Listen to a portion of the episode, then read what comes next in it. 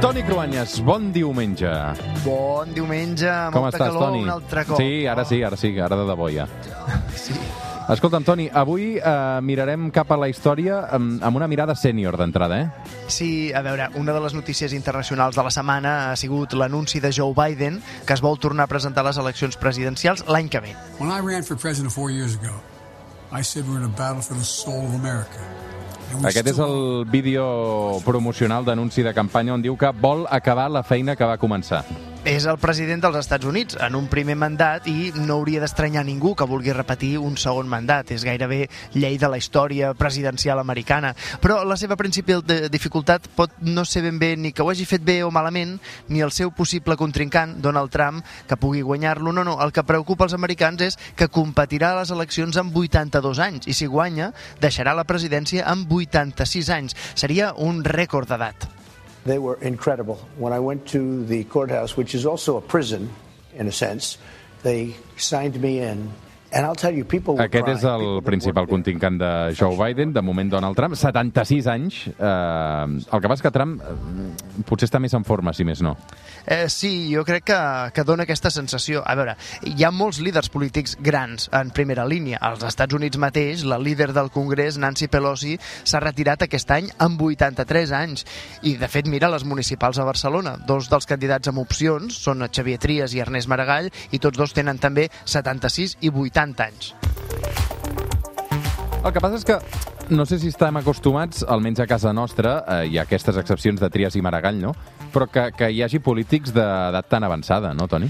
Tradicionalment, la política ha estat sempre una cosa d'homes i d'homes grans. Eh, Els líders polítics s'han vist sempre com una reproducció dels clans familiars i, l'avi o el pare és qui ha exercit de líder tradicionalment. El que passa és que ara la gent viu més anys i, per tant, l'edat és més elevada que abans. Als Estats Units, per exemple, Eisenhower va ser president amb 63 anys, Ronald Reagan amb 70 i va acabar els dos mandats amb 78 anys, i també altres països democràtics com el Regne Unit. Winston Churchill va ser primer ministre fins als 81 anys. Oh, i encara, eh, encàrrecs vitalicis com els reis o, o per exemple, els líders religiosos. Ali Khamenei, a l'Iran, té 84 anys i el papa Francesc en té 86. e certo di interpretare i sentimenti dei fedeli di tutto il mondo, rivolgo un pensiero grato. El papa que fa patir de tant en tant per la salut. Eh, el que passa és que sempre s'ha respectat d'alguna manera els més veterans, no? Eh, I aquesta sí que és una constant històrica, Toni.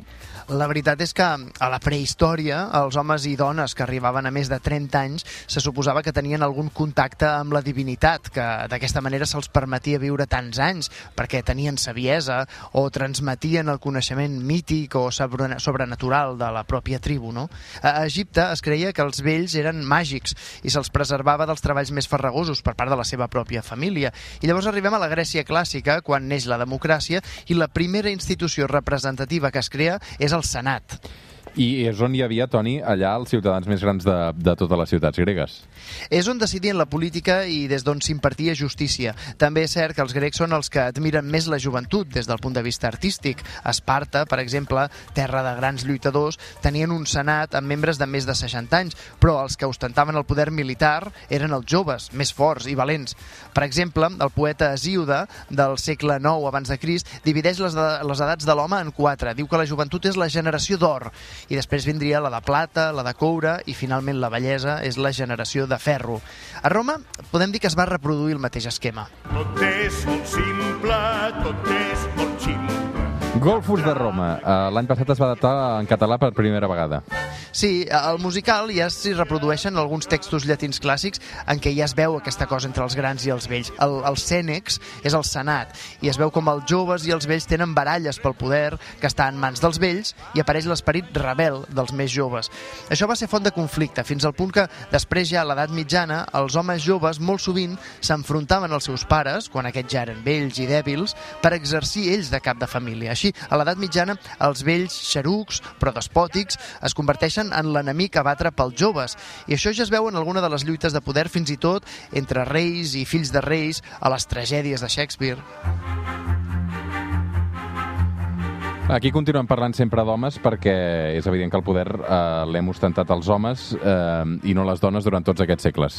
Sí, les dones que solien el paper de matriarques respectades ho eren només en l'àmbit privat. Eh, era important la figura del fill aquí, eh, com a defensor de la mare, un cop ja es trobava vella i sense forces.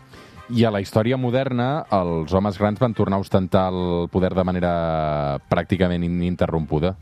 Home, al segle XX tots els sistemes de govern han estat liderats per cúpules de vells, des de les monarquies fins als sistemes dictatorials que precisament depenien de la supervivència dels dictadors per al manteniment del sistema.